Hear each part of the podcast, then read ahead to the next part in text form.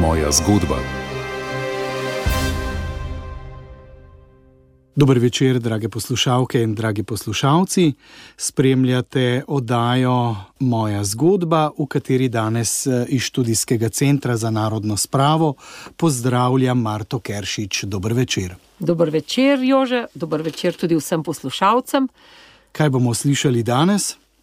Danes pa bomo prisluhnili pretresljivi zgodbi Mari Dular Golobič in njeni družini, ki je morala zaradi komunizma zapustiti rodno domovino in se podati na dolgo pot begunstva. Na pot se je podala cela družina, razen mame, ki so jo po umiku proti avstrijski koroški prestregli po vojni oblastniki in jo zaprli.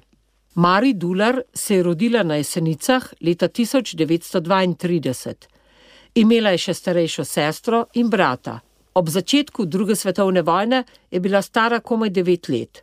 Oče je bil učitelj in član katoliške akcije, prav tako je bila učiteljica mama, zato so jih hoteli Nemci izseliti. Družina se je odločila, da se omakne v Ljubljano, kjer je imel oče že predtem najeto sobo. Živeli so na starem trgu in spali kar na tleh. Ljubljano so v tem času okupirali Italijani. Marija je hodila v osnovno šolo v Šentjakob, po končanem četrtem razredu pa je šla na gimnazijo Kuršulinkam. Njen mladoletni brat in bratranec sta pristopila k domobrancem, ter sta se ob koncu vojne skupaj z njimi umaknila na Koroško. Bila sta prepričana, da bo umik le začasen in da jih bodo angliški zavezniki zaščitili, kar pa se seveda ni zgodilo. Mari in sestra sta zbežali na Koroško maja 1945, z očetom sta se našli v Kranju. S Kranja so jih peljali v Kransko goro, od tam pa so šli peš proti Avstriji. Prišli so do Beljaka in šli od tam v Šentvit pri Glini, kjer so bili nastanjeni več mesecev. V taborišču v Lincu je Mari po šolanju na ruski gimnaziji začela delati v šivalnici za Rdeči križ. Prvo leto v taborišču je bilo zelo težko, ker so bili lačni. Okoli barake v Killerbergu so sami posadili nekaj zelenjave in nabirali gobe, da so se s tem preživljali. Kasneje pa so začeli prihajati paketi s hrano in obleko iz Amerike, kar jim je pomagalo prebroditi najtežje čase. Mari je v taborišču spoznala bodočega moža, ki je delal v popravljalnici v istem taborišču. Kmalu sta se poročila. Mož je imel v Ameriki teto, ki je prevzela sponzorstvo za njo in za očeta. Prisluhnimo prvemu delu spominov Mari Dular Golobič.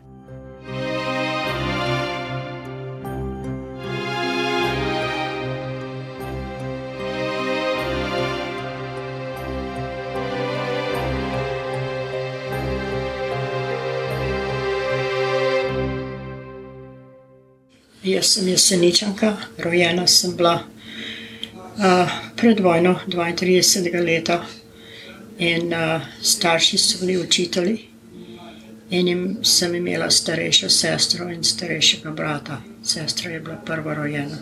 Oče je dobil hudo na duhu in ni mogel več poučevati. In je bil nastavljen na Banovini v Ljubljani, ker je bila to še zmeraj državna služba. In učitelji so imeli službo za zmeraj. Ko se je vojna začela, sem bila stara okrog devet let. In smo zvedeli, da prihajajo Nemci noter. In so nam dali vedeti, da je bolj, da bežimo, da iščejo očeta. In mi smo na eno nedeljo popovdne, smo na hitro se spokali. Mama je bila ravno nekaj tednov po operaciji, je imela hudo operacijo v Ljubljani. In je po vseh štirih lezla, da je dala reči skupaj, da smo dali kufre. In smo šli na vlak. In uh, vlak ni pel daleč, pri Brezeh se je ustavil, zato ker je bilo minirano. In smo mogli imeti miniranega prostora na avtobus, da smo prišli v Ljubljano. Zato ker je oče v Ljubljani imel eno sobo in smo tam imeli tako rekoč stanovanje zasigurano. Smo prišli v Ljubljano, tam so bili italijani, so že zasedli. In uh, smo prišli v Ljubljano na stari trg, tam smo živeli med vojno. Je vzelo o, mogoče 608 mesecev, Preden smo dobili stik s teto, ki je ostala na jesenicah, mi smo stanovali v njeni hiši. In ko smo dobili prvo pošto, je povedala, da mi smo odšli v nedeljo popovdne, o polnoči je bil Gestapo v hiši. So iskali očeta, zato ker je bil učitelj in je bil v katoliški akciji. Dve kriminalni reči. Najhujši zločin njegov je bil, da je bil član katoliške akcije. Tisto je bilo pri Hitlerju zasovraženo, tako kot je bilo pri komunistih. Ona je samo tako obdržala hišo, da jih je prepričala, da smo bili samo v stanovanju, da hiša je njena, zato je niso zaplenili. Ona je se zelo trudila, da je spravila skupaj pohištvo, da je mogla poslati za nami v Ljubljano. Mi smo osem mesecev spali na tleh v eni sobi, ker nismo imeli nobene posle, pa nobene reči. Je bilo sploh čudno stanje. Ja, dopisovati se nismo mogli, govoriti nismo mogli, zato ker ni bilo telefonov. Dopisovali smo si pa tako, da smo pisali v kod, da smo imeli posebna imena. Zato ker je bilo vse cenzurirano, vse pregledano in smo pazili, kakšne imena dajemo na pošto.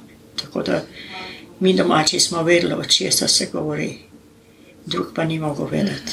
In med vojno smo bili najprej v eni sobi, pod najemniki, potem se je pa tista glavna najemnica preselila drugam, tako da smo dobili celo stanovanje, da smo živeli na starem trgu.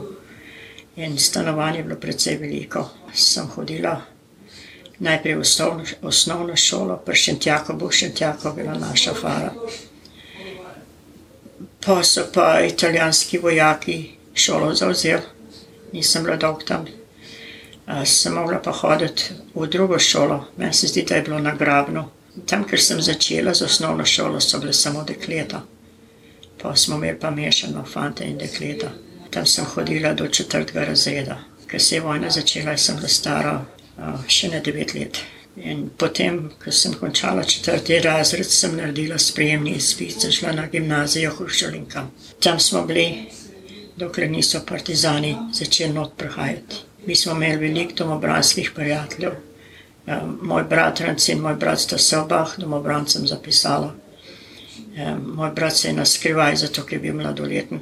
Pa so pa prišli fantje povedati, veste, se moramo omakniti na Koroško, da se bo vse preorganiziralo, zato ker bomo samo par tednov, pa bomo prišli nazaj, da se bomo dobili novo orožje. Vsi so mislili, da angliški zavezniki, da so naši zavezniki. To je bila pa velika laž. Tako da smo bežali, mama je rekla, naj gremo mi naprej. Se ne spomnim datuma, vem, da je bilo po veliki noči, je bilo enkrat že maja. Je bilo meni se zdi tudi na nedelo. Tako da sestra in jaz smo nekaj pograbili reči, kar se nam je zdelo važno, drugo je rekla mama, bože, ona pa nesla. Smo bili zmenjeni, da gremo na jesenice hteti, tam se bomo skupaj dobili. Ata je šel naprej na kolodvor, da je šel na vlak, da bo nam mesto pripravil. Ko smo sestro prišli na kolodvor, vlaka ni bilo več, pa nismo vedeli, kaj narediti. Pa so šli pa skozi šentvit, da bova šli peš do kranja, da bova videli, če tam mata najdemo. Sva hodili celo noč, sva tam nekje spale na travi in uh, smo bile prav previdne, zato da nas niso nemške patrole dobile, zato ker pri šentvidu je bila meja tam je bila meja zdrata, ki se ni smelo čez. Tam so nas ustavili, ker smo šli z drugim begunci, smo, smo hodili in je Nemci rekel, da ne smemo skozi. Pa je pa videl od sestre Dijaško izkaznico, da je bila rojena v Kočevju. Pa je pa rekel, o, Kočer, ti pa lahko greš, tako smo prišli skozi. Vse, kar smo imeli pri sebi, so bile Dijaške izkaznice, zato ker tisto smo mogli zmerno nositi seboj. Tisto je bilo obvezno. Sva pa šla v Kranj, je bilo enkrat že skoraj zjutraj, mogoče sedmih, osmih zjutraj, da sva do Kranja prišla obe zmatrane. In tam je bila množica beguncev, kojno, voz, vse mogoče reči. In na enem obgalu so pa očeta zagledali. In pa smo se objeli, se pogovorili, da je mama ostala zadaj in rekla, bo prišla za nami. In smo šli na kolodvor v Kranju, da bomo počakali, da bo prišel vlak, da bo prišla za nami. Tam na kolodvoru je bil en vlak, ki ima mogoče 4-5 vagonov, tovornih vagonov. In tam so bili nemški mobiliziranci, ki so bili Grki in Ukrajinci in Hrvati in so nas nekako vzeli v varstvo, so se jim smilili.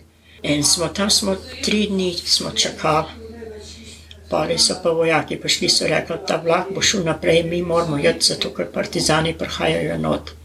In smo že videli tiste rdeče kokarde okrog na kolodvoru. Vlak je šel naprej, prav počas. In nekje pri lescah smo mogli bežati z vlaka dol, zato ker so partizani streljali na vlak. Ampak ti mobiliziranci so bili dobro oboroženi, so bili zvežbeni vojaki, so streljali pa nazaj. Tako da so jih pregnali. In smo šli spet nazaj na vlak do jesenic. Tam so nas pa ustavili, da smo mogli vsi dol in so nas stirali vse na eno gručo, da so nas dali na avtobuse. In je bil že mrak, ko smo tja prišli.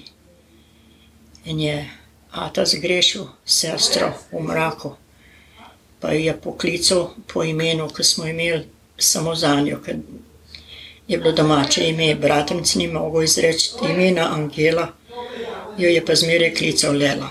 In Ata je poklical Lela in tam so bili mladi partizani, mogoče 16, 17, 18 let stari, ki so bili bivši Atovi učenci so pa rekli, da zdaj smo pa dobili to svino, moramo pa ubiti. In te vojaki, ki so nas imeli v varstvu, so nas potegnili na kamion, a to so pokrili z eno koco, z eno deko. In ko so prišli te partizančki gledati, kje je oče, so rekli, tukaj ni nobenega slovenca. In nam so rekli, da smemo drugače govoriti, kot samo hrvaško ali pa nemško. In, uh, so nas pelali s kamioni čez noč v Kransko goro, tam so nas po enih skednih razporedili, nas je bilo precej, nas je bilo mogoče kakšen tisoč vsega skupaj teh ljudi.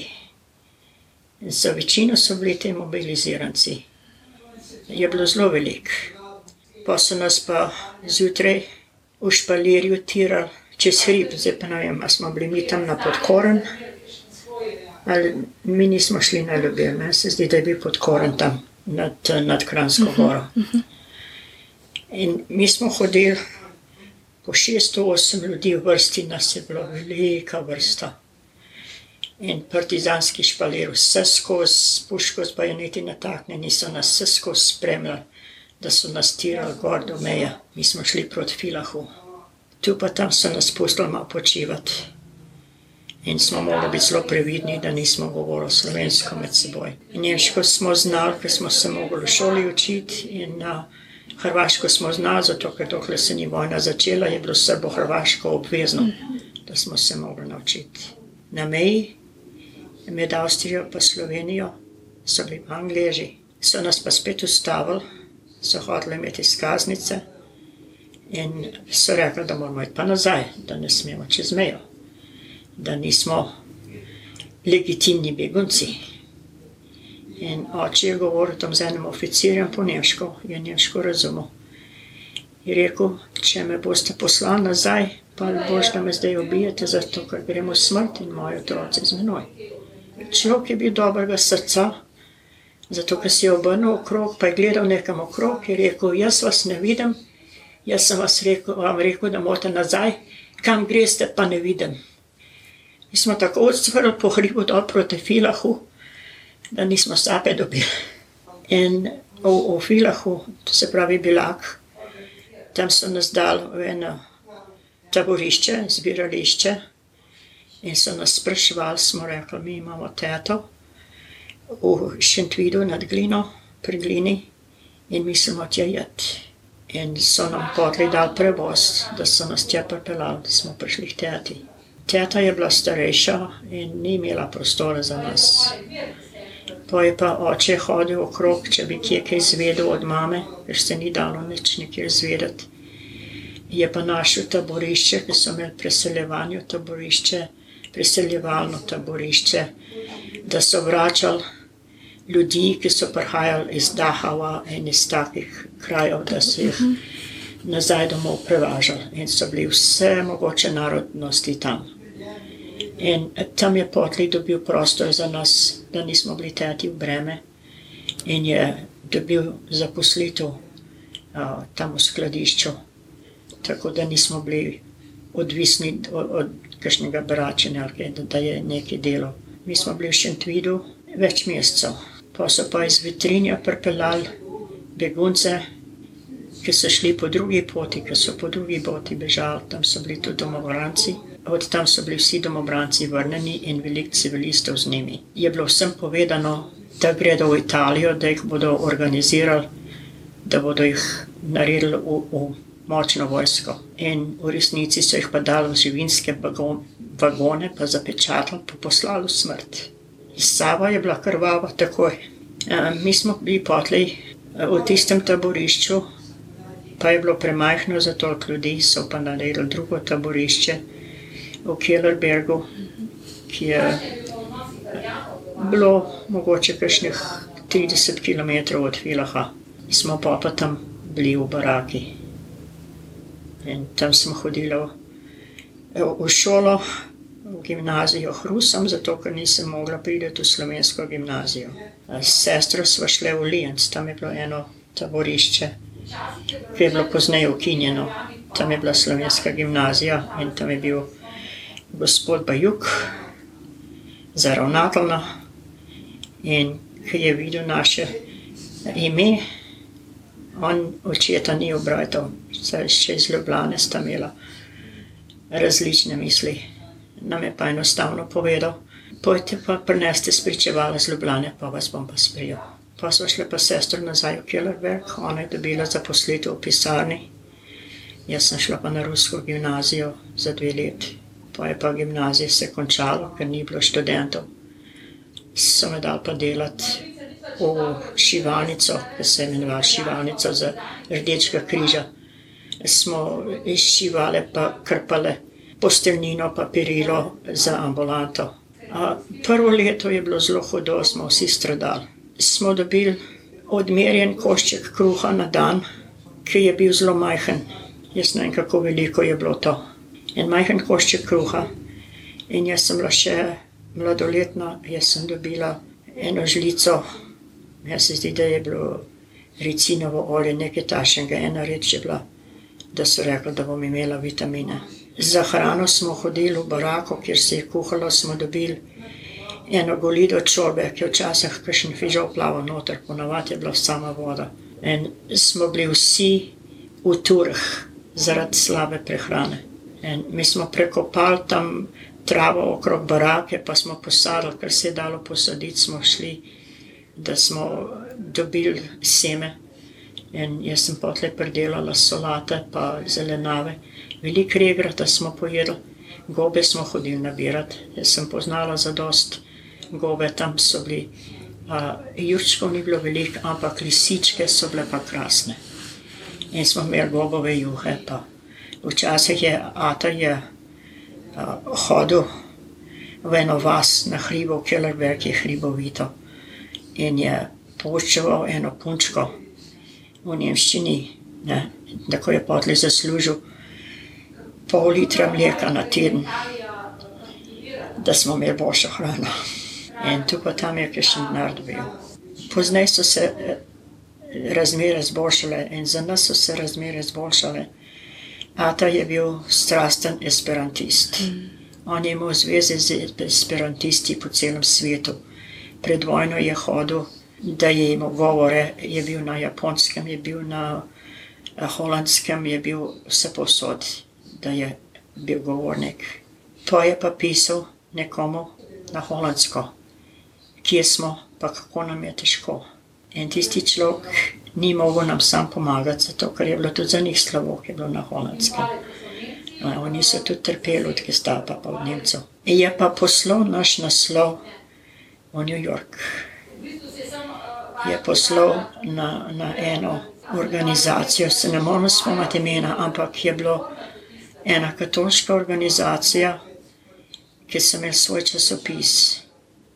In v tistem časopisu je bilo naše ime objavljeno, da je oče, da ima dve hčeri in kje smo v Kellerbergu.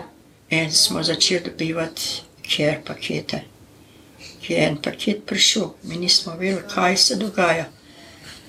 Tam not je bilo mleko in juha v prahu in keksi in čokolada.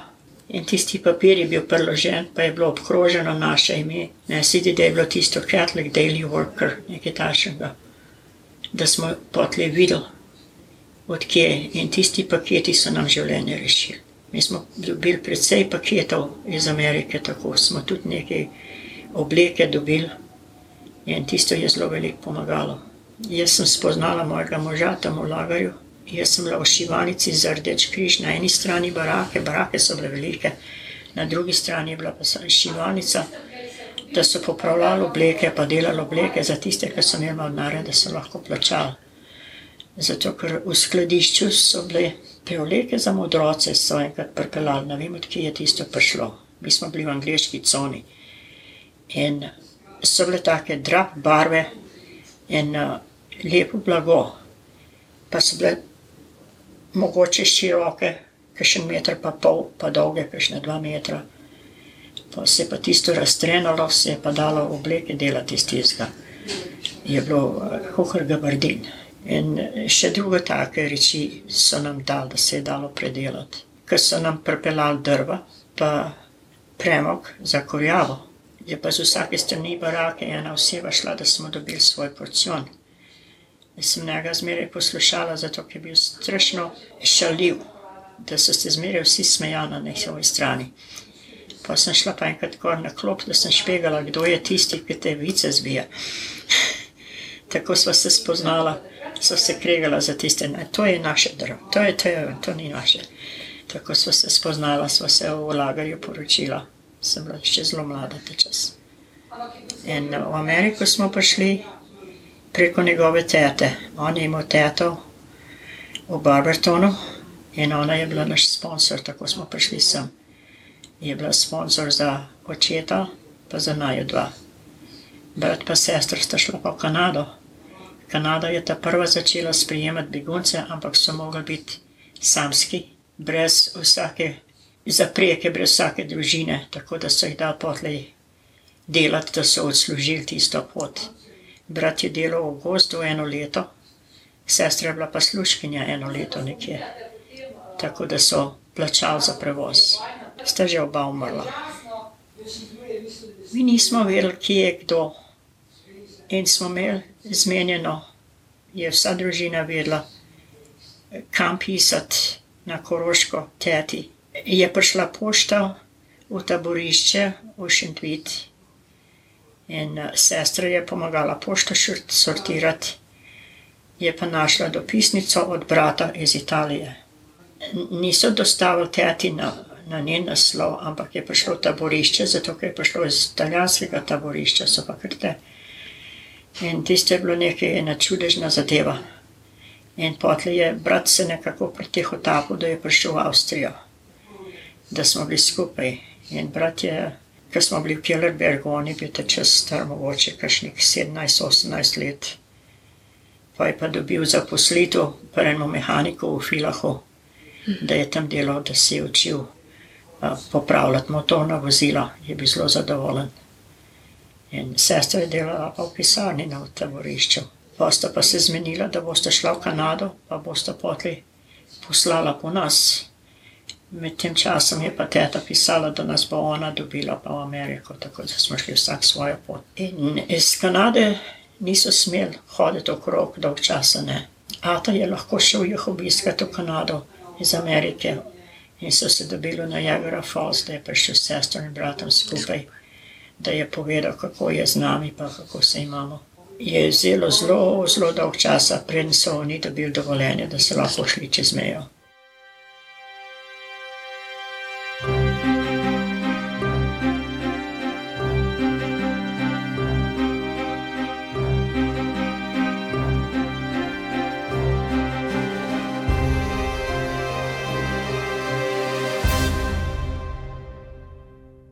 Odaj moja zgodba ste slišali prvi del pričevanja Mari Dular Golobič, zdaj pa k drugemu delu. Kaj pa v drugem delu Marta Keršič? V drugem delu bomo slišali, kako je Mari prišla v Ameriko z možem in očetom leta 1949. Mož je bil izučen za krojača in je dobil delo v Clevelandu. Zaradi povečanja družine so kupili novo hišo. Rodilo se jim je pet otrok, družina se je povečala tudi s številnimi vnuki in pravnuki. Če pa se vrnemo še nekoliko nazaj, nam Mari predstavi zgodbo svoje mame, ki je bila medtem v domovini. Maja 45 se je družini na pot begunstva želela pridružiti tudi ona. Bila je že na vlaku, ko so jo z njega potegnili in jo zaprli. Eno leto je živela v stanovanju v Ljubljani pod stalnim nadzorstvom partizanke. Morala tipkati besedila za nove učne knjige. Na to je dve leti prisilno delala na kmetijskem posestvu. Šele po dveh letih so domači od dne dobili prvo pošto. Takrat so bili v Killerbergu v Avstriji. Mama jim v pismih ni mogla sporočiti, kaj se z njo dogaja. V Ameriko ni nikoli prišla. Leta 1967 je zbolela in je morala v bolnišnico. Takrat so se ob njej prvič po vojni zbrali vsi otroci. Njihovega obiska je bila zelo vesela in jim je povedala, kaj se je z njo dogajalo, ter kako je trpela. Med drugim jim je potožila: Če ne bi bilo srca Jezusovega, bi se jaz ubila, tako je bilo hudo. Umrla je 3. septembra 1967. Prisluhnimo drugemu delu pričevanja Mari Dular Golobič. Mi smo prišli v Barberton. Aha, Barber. Barberton je južno od Clevelanda.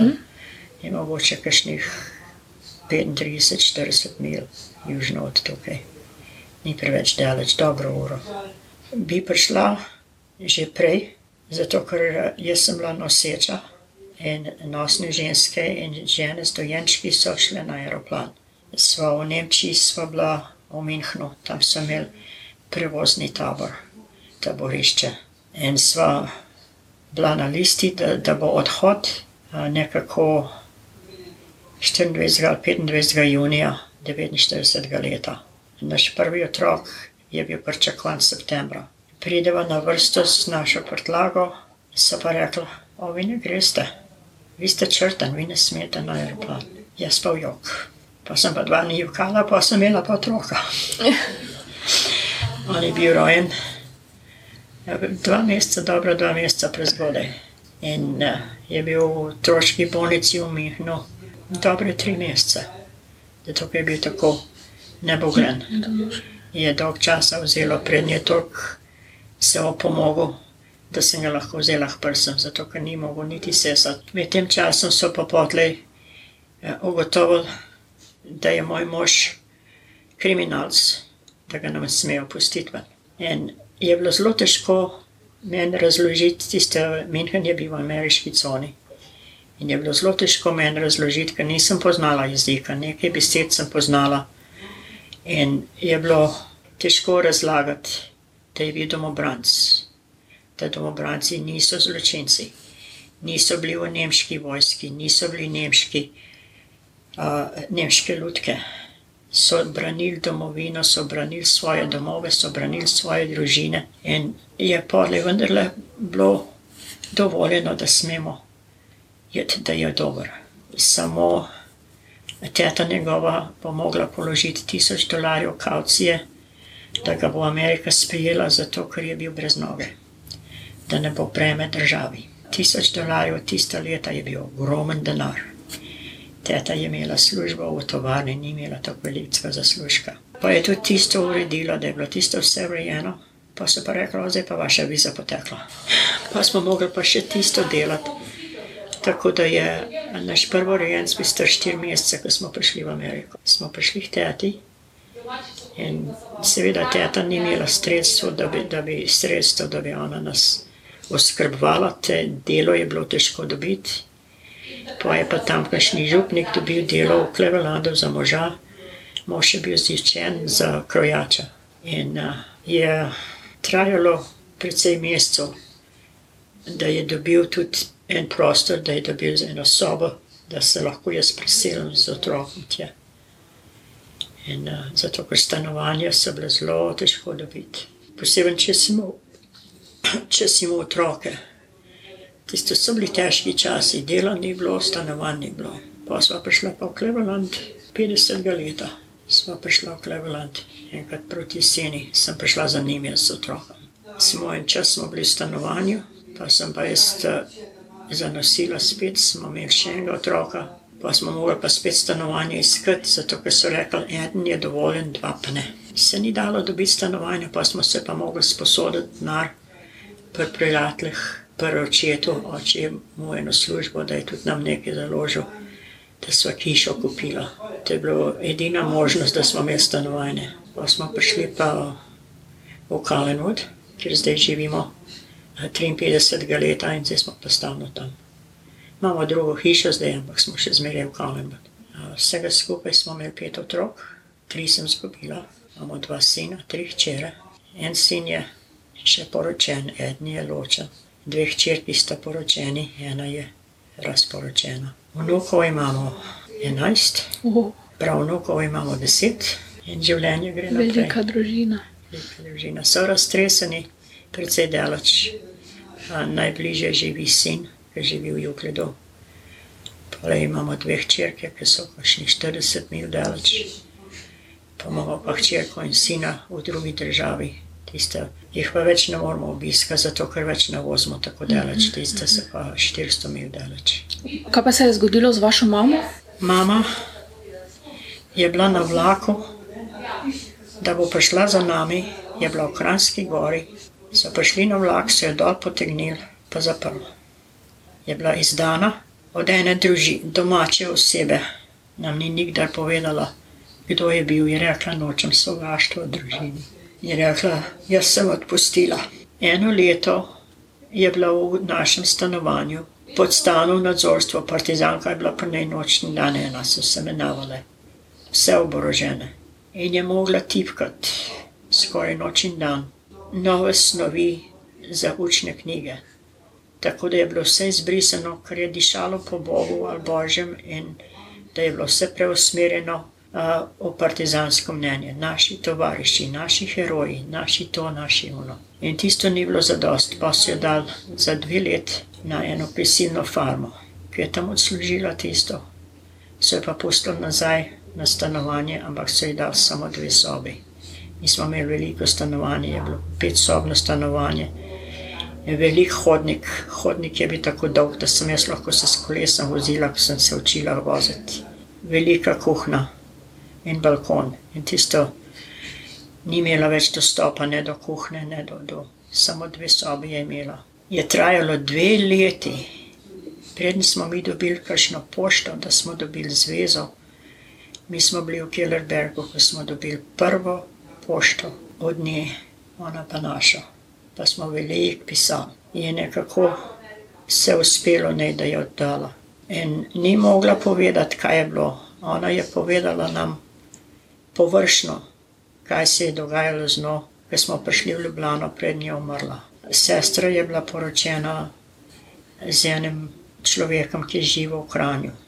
Je bil tudi begunc, je bil v Kanadi ampak njegova mati in bratje so v Kranju pli. Mama je že, že umrla. Ampak mama je šla obiskat našo mamo, ki je bila v bolnici. Mi nismo nič vedeli, da je v bolnici. Pa nam je pa pisala, je pisala sestri. Rekla, mama je bolna, če jo hočete videti, morate takoj domov priti. To je bilo 67 leta. Mama torej ni nikoli prišla v Ameriko Ne. za vami. Ne. Mi smo takoj, sestra pa brat sta takoj odšla. Jaz sem imela največ otrok, sem mogla malo urediti reči. In nisem imela uh, potnega lista, sem mogla pa na hitro potni list dobiti. In uh, to je bilo tisto leto, ko ni bilo treba uh, vize za Jugoslavijo, je bilo turistično leto. Naš tisti potni agent je pa v redu, da sem se jaz v New Yorku ustavila, da sem dobila potni list, tam je čakal name. In sem prišla v Kran, k sestrni žlahti. In od tam sem potlej šla v Ljubljano in smo šli na stanovanje, kjer smo živeli včasih.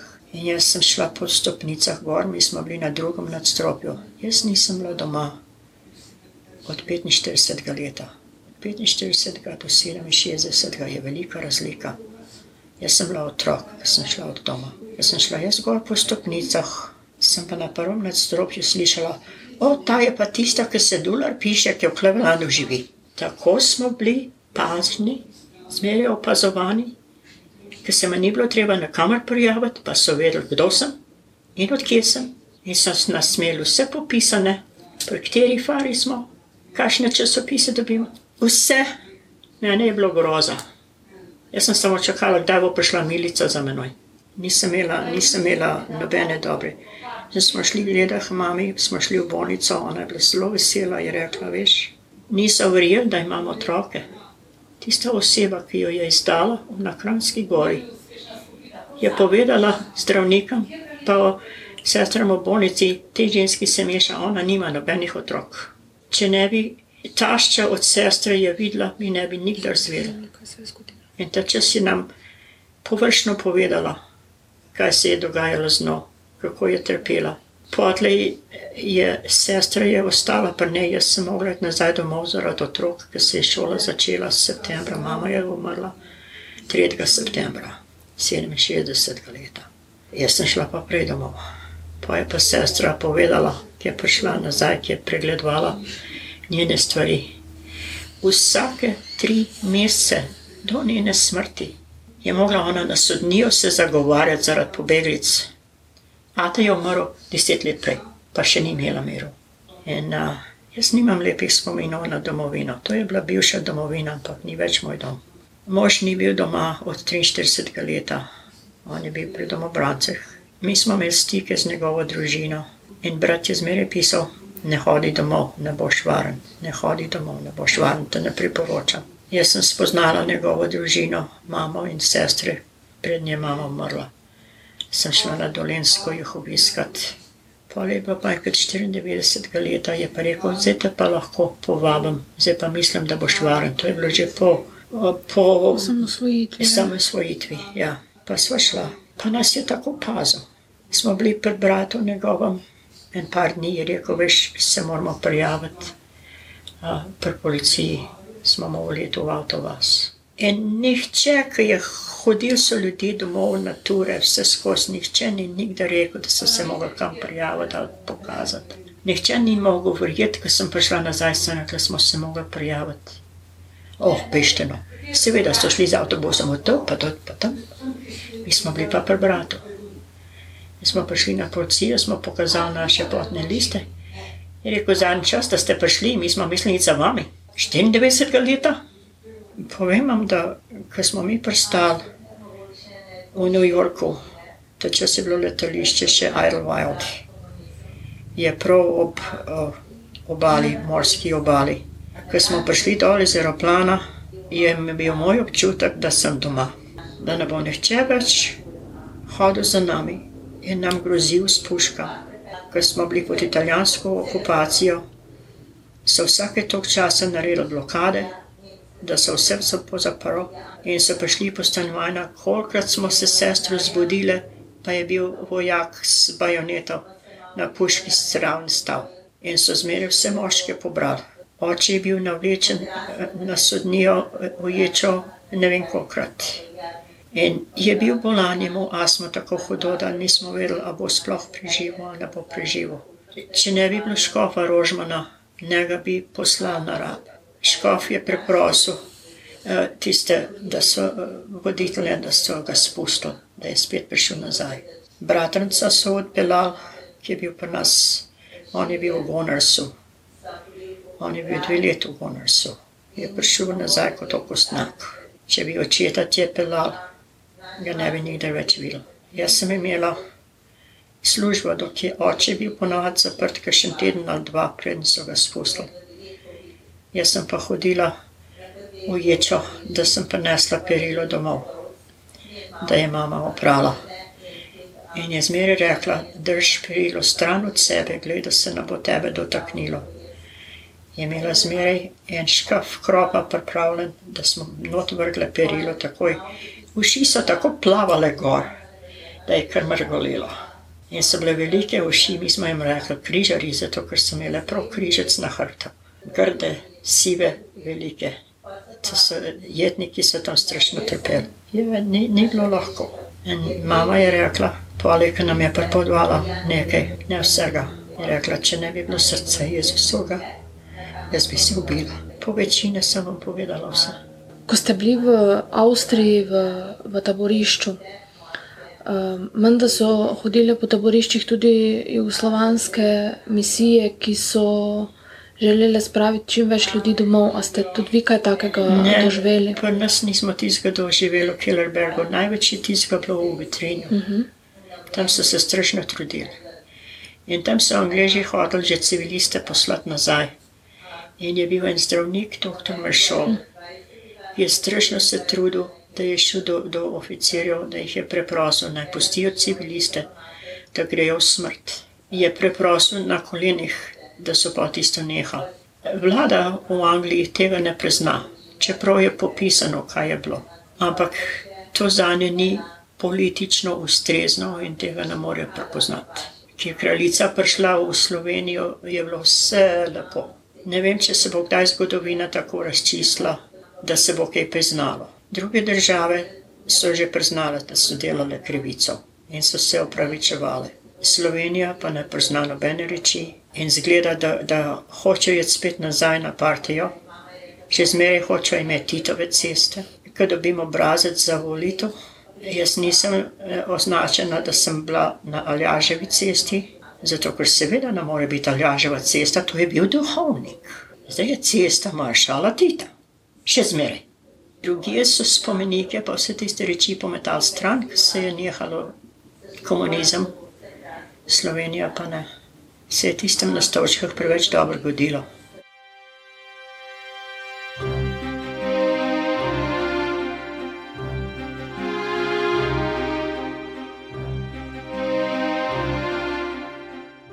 Odaj moja zgodba ste poslušali pričevanje Mari Dular Golobič, ki je spregovorila o spominih na svoje življenje in trpljenje, s katerim se je srečala kot begunka. Zatočišče je končno našla v Ameriki, kjer je našla tudi mir in svobodo. Hvala lepa, Marta Keršič, za to, da ste nam njeno pričevanje prinesli tudi v oddajo Moja zgodba.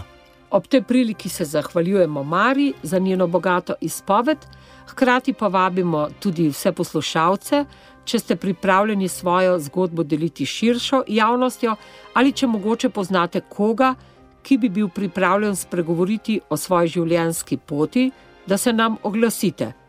Naš kontakt oziroma naslov je Študijski center za narodno spravo, Tivolska 42 tisoč Ljubljana.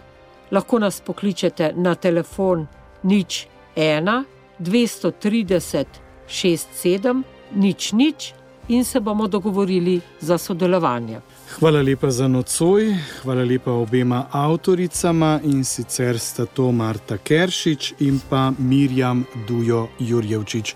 Hvala lepa in vse dobro do prihodnje oddaje. Lep večer še naprej.